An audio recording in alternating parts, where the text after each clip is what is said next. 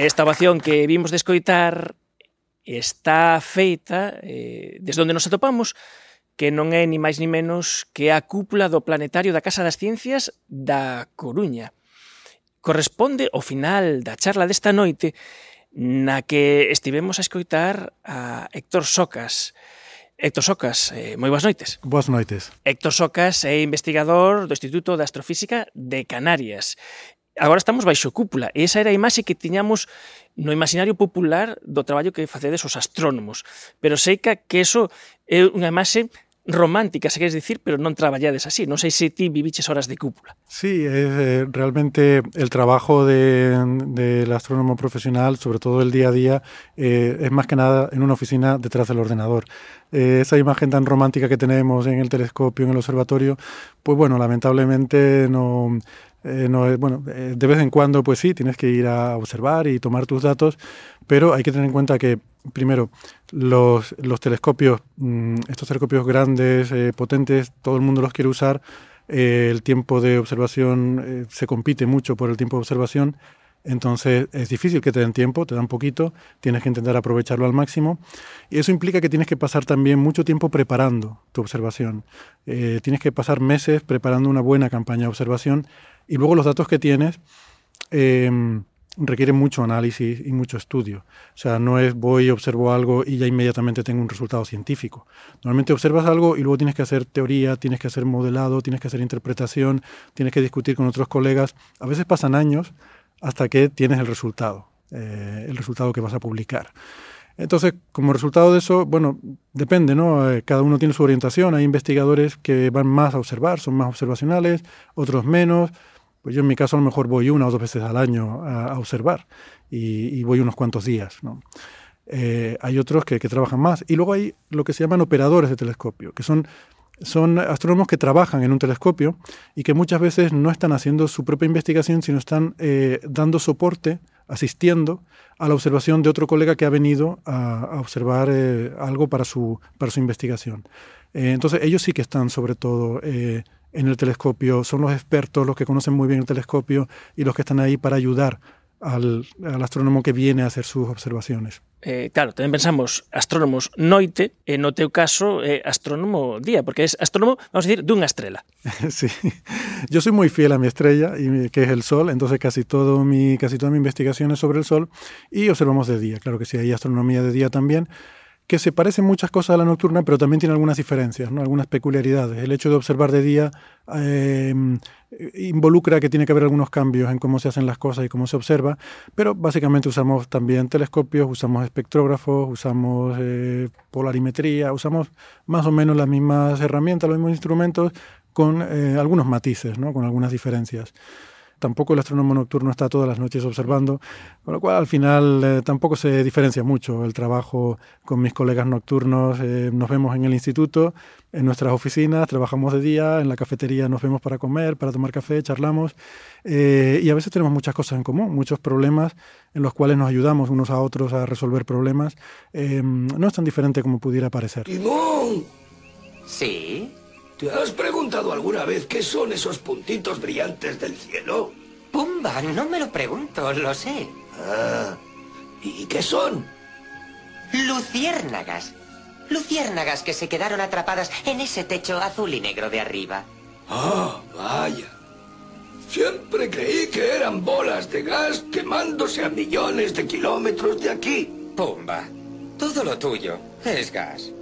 Eh, cando pensamos no Sol, moitas veces eh, sempre se nos vai a analoxía de que é unha bola de fogo, e xa sabemos que non, que non é unha bola de fogo. De feito, o Sol, según o que ves de contar eh, nesta charla, ten moitas cousas máis en común, por exemplo, co un televisor de plasma que podemos ter na nosa casa.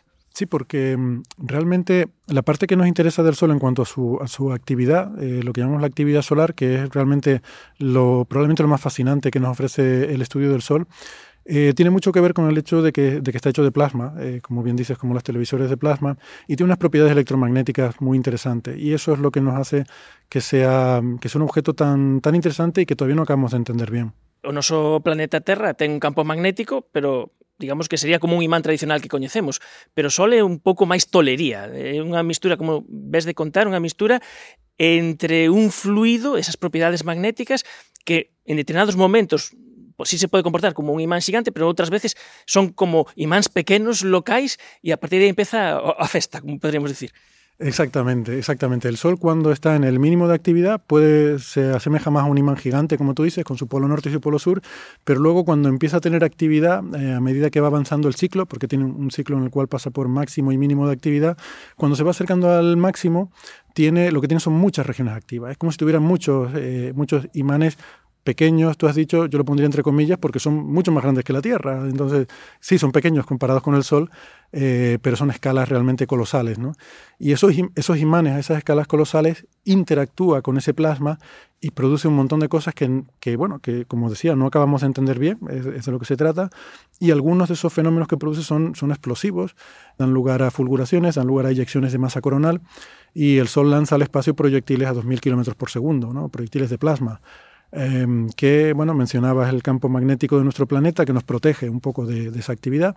Eh, pero, eh, pero aún así, a medida que somos más dependientes de la tecnología, pues tenemos que conocer esta actividad para, para que nuestra tecnología no sea tan vulnerable a sus efectos. E ademais, ese é un coñecemento estratégico, porque os países están moi interesados en saber ese ese tempo solar e saber esa predicción do que vai pasar, non? Aí, aí eh, nos afecta máis do que podemos pensar a primeira instancia. Sí, sí nos afecta y, es verdad que los países están muy interesados, ¿no? O sea, yo tengo, como anécdota, te puedo comentar que una, una, una amiga y colega eh, en un momento dado recibió la visita de un general de la Fuerza Aérea de Estados Unidos, ¿no? que trabajaba en Estados Unidos y, y, recibió la visita de, un general para tener una, una, reunión y hablar sobre, bueno, la Fuerza Aérea de Estados Unidos, por cierto, es uno de los principales eh, inversores en investigación en física solar.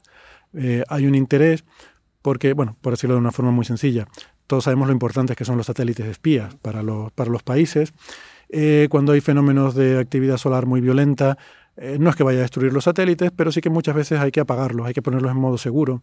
Y evidentemente a, a cualquier país le interesa mucho saber cuándo están apagados los satélites espía de, de los otros. O estudio do Sol tamén influen na xeostrategia global que temos agora mismo. E outra idea fascinante, e polas preguntas que fixo o público desta charla, desta palestra, eu creo que deixou moita pegada, é esa parte que dedicaches a falar eh, dos intentos de ter unha enerxía eh, nuclear segura, con unha enerxía diferente que temos agora, que descachar, romper cousas, eh, enerxía de fisión e facer eh, pequenos soles pequeniños con enerxía de fusión. O que pasa é que esa sempre é unha tecnoloxía que é a típica historia de parece un pouco como arco da abella, que canto máis te achegas, máis lonxe parece que está. Eso está sempre a 20 anos, a 20 anos, a 20 anos. Pero ti dices que esos 20 anos non, que agora si os imos a cadar. En que te basas? O sea, cal é eh, esa, mm, esa actualidade científica, esa, esa ciencia de vanguarda que a ti te da esa esperanza de decir, mm, a mayor hasta o vemos. Pues yo creo que es porque eh, es muy buena esa analogía que has hecho con el arco iris, ¿verdad?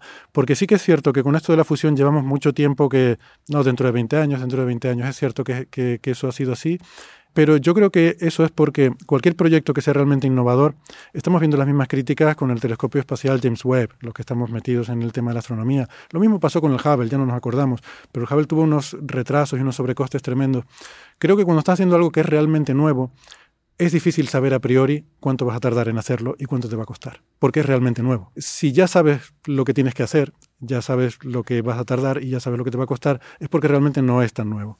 Entonces creo que con la fusión ha pasado esto, lo mismo con estos otros grandes proyectos, que al principio había muchos problemas que no se conocían y que fueron apareciendo.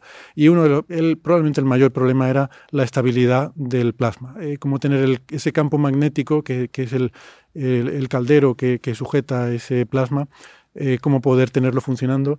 Eh, es un problema con el que nos estuvimos dando durante mucho tiempo, se volvía inestable y eso hoy en día ya se conoce. Ahora mismo los problemas que hay son de escala, son problemas de que, por decirlo de una forma, creo que los problemas que hay son técnicos, no son conceptuales.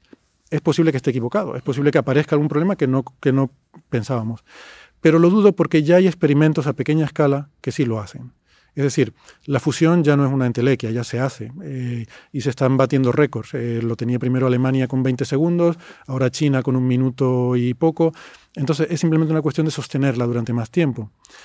Lo que se necesita para que podamos tener un reactor eh, que funcione de forma continua es sostenerla 20 minutos. En ese momento ya es rentable, ya sacas más energía de la que cuesta.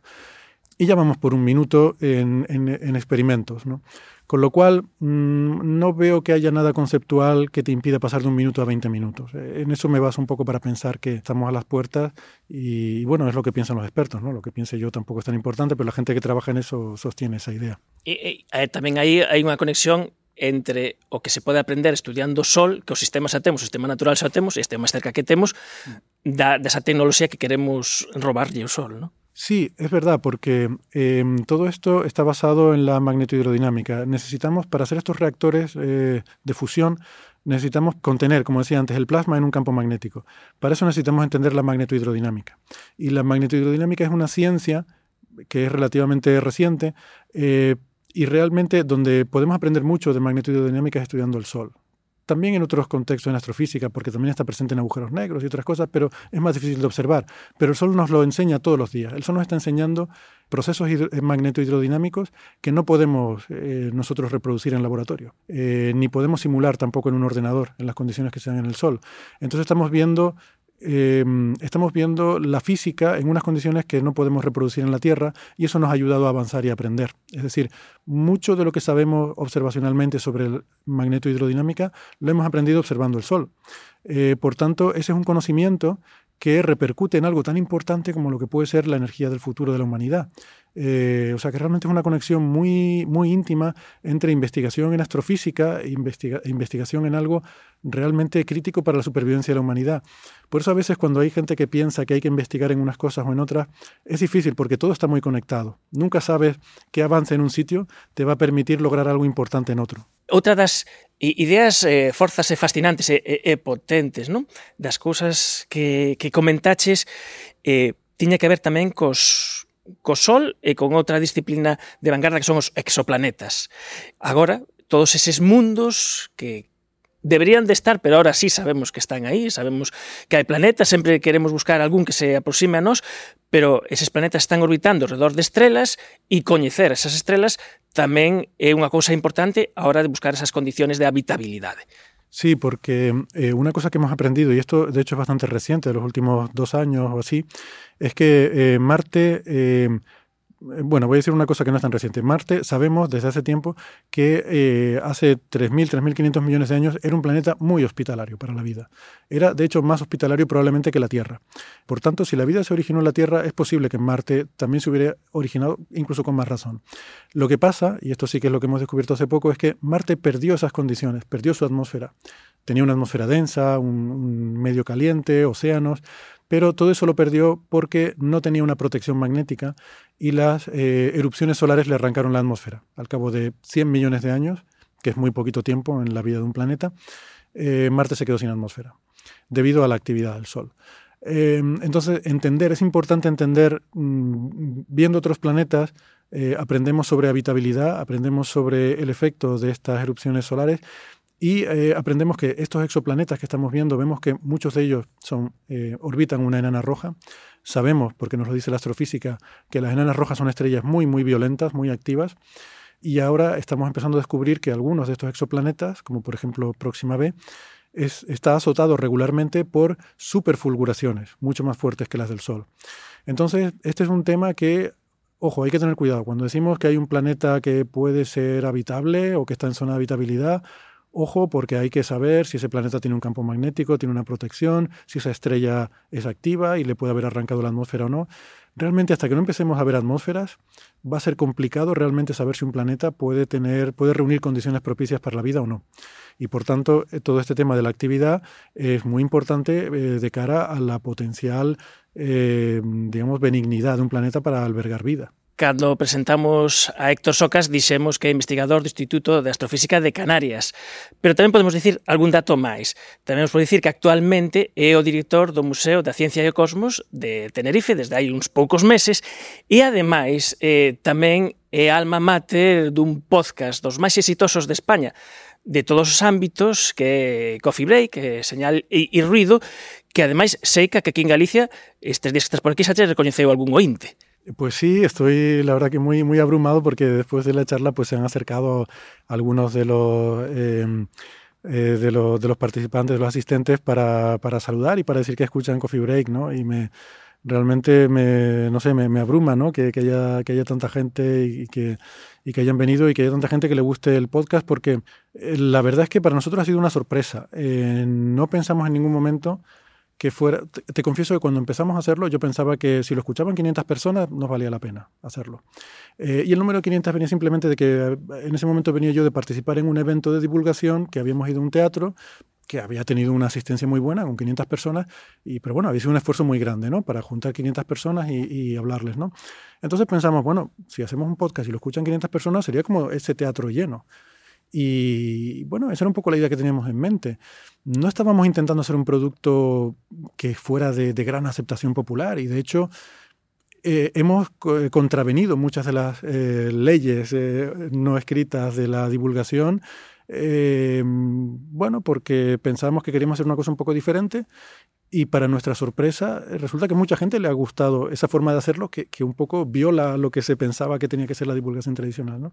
Así que no sé, creo que ha sido un experimento también interesante y que hay, hay lecciones ahí que aprender de que, mm, bueno, de que hay mucha gente y hay gente para todo y que hay que hacer hay que hacer divulgación para, para, para, todos los sectores. ¿no? Hay gente que le gusta más una cosa, gente que le gusta más otra, y creo que no debemos centrarnos todos en intentar buscar el gran público, porque entonces dejamos fuera mucha gente que tiene mucho interés y que a lo mejor prefiere otro tipo de producto. ¿no? podemos facer a analogía coa música que hai a quen lle poden gustar os tres tenores e a quen lle gusta pois a ópera máis pura e todo sigue sendo música e todo se sigue disfrutando.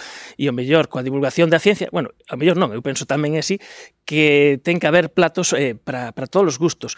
E por dar un detalle que a min eh, me fascinou eh, do, do Coffee Break eh, que a min tamén basou esa, esa historia dicindo como pode ser que podcast tan longos e tan especializados eh, teñan eh, tanto éxito? E creo que a clave está porque nos metedes nun mundo no que normalmente non estás. Estás escoitando a uns especialistas falando dos seus temas e estás nun ambiente que te fai esa complicidade de escoitar esa, esa charla entre especialistas que, inda que haya moitas cousas que non entendas, estás nun sitio que normalmente non estás. entonces o público, eu creo que se será esa complicidade de, mm, mira, eu estou con esta xente que, bueno, habrá que entenda máis, habrá que entenda menos, pero me estou metido aquí. Eu penso que esa parte do desde o miño punto de vista, do éxito de Coffee Break. Pero ten moitos máis méritos o programa. E, por exemplo, unha cousa eh, que cando eh, falo por aí de, da importancia da divulgación e eh, dos éxitos da divulgación, é unha cosa que, que vos pasou a vos que foi que un ointe voso, escoitando o que falabades de o que se facía en Australia de cos parlamentarios e de levar a ciencia aos políticos, E foi o que lle deu a luceciña para crear unha iniciativa que se convertiu en ciencia no Parlamento e que agora abriu unha oficina no Parlamento e que é unha cousa que non tiñamos e que agora hai. Quer dicir, que hai cousas tangibles que se pode ver que se produce a divulgación, que, que, que se producen, e penso que son avances sociais. Sí, pues la verdad es que me, ha, me han parecido muy interesante las dos reflexiones que has hecho, ¿no? Y, estoy, estoy muy de acuerdo contigo. Eh, voy, voy, a pensar un poco más sobre las dos cosas. ¿no? Primero, lo de, lo de, lo de estar un poco metido en la, en la conversación, en esta conversación entre científicos, sí que es una cosa que pensé que podía ser interesante. Y por eso el nombre, que la verdad que es un nombre muy malo, no, no lo pensamos mucho al principio, pero el nombre pretendía reflejar un poco eso, ¿no? porque Coffee Break queríamos darle el tono ese de que era pues la típica conversación en un congreso, ¿no? en, con la pausa del café eh, para descansar un poquito y, charlar, ¿no? Y entonces, pues hablar un poco, comentar las noticias que hay en el Congreso, era un poco la filosofía que buscábamos. Es verdad que en aquella época no pensamos en hacer programas de tres horas de duración, porque no hay coffee breaks de tres horas de duración. Y lo de, lo de que salgan cosas como la iniciativa de ciencia en el Parlamento del programa sí que me parece algo también totalmente inesperado para nosotros eh, y muy, muy interesante, ¿no? Que eh, este es un, caso además paradigmático, como tú lo has contado muy bien, un oyente que escuchando el programa en el que Ángel contaba cómo se hacía en Australia, pues eh, se le ocurrió eh, sacar adelante cómo hacerlo esto aquí. ¿no? Hay otros casos, ¿no? un astrónomo aficionado que escuchando en una conversación en la que un compañero proponía un tipo de estudio en el que podía utilizar, podía emplear la ayuda de un aficionado, pues se metió, hizo un trabajo y ahora se está presentando en congresos. ¿no? Eh, ha habido cosas así, en fin, estudios científicos que han salido de conversaciones durante el podcast eh, que han dado lugar a colaboraciones eh, de las cuales se han publicado artículos científicos. O sea que que ha, sí, ha producido cosas, ¿no? Eh, es, realmente, es realmente curioso. Pois este que ainda non, non coñeza o Coffee Break que se pode atopar eh, probablemente no teu programa favorito de podcast, pois tamén é unha moi boa suxestión e tivemos a sorte de, de poder parolar un pouquiño despois desta paisonante charla sobre o Sol, esa estrela activa que temos o noso carón con Héctor Socas, investigador do Instituto de Astrofísica de Canarias, director do Museo da Ciencia Cosmos de Tenerife e tamén pois compañeiro aí no Coffee Break. Eh, moitas grazas por nos atender. Eh, grazas, un placer para mí. Sabes lo del universo? Que le pasa? Se está expandiendo cada vez más deprisa. Dentro de unos miles de años, el que mira al cielo ya no verá estrellas, solo oscuridad. ¿Y? Pues que el universo tiene ya sus propios planes. Cuando el Sol está a punto de consumir todo su combustible, se convertirá en una gigantesca bola de fuego. Fundirá la Tierra como si fuera mantequilla y luego absorberá todo el sistema solar. No seremos ni un mal recuerdo. Eso va a ocurrir dentro de 7.000 millones de años. Lo único que digo es que resulta absurdo empeñarse en salvar algo que está condenado a desaparecer. Estoy de acuerdo. Oye, ¿por qué no alivias tu sufrimiento eh? y te arrojas a un volcán?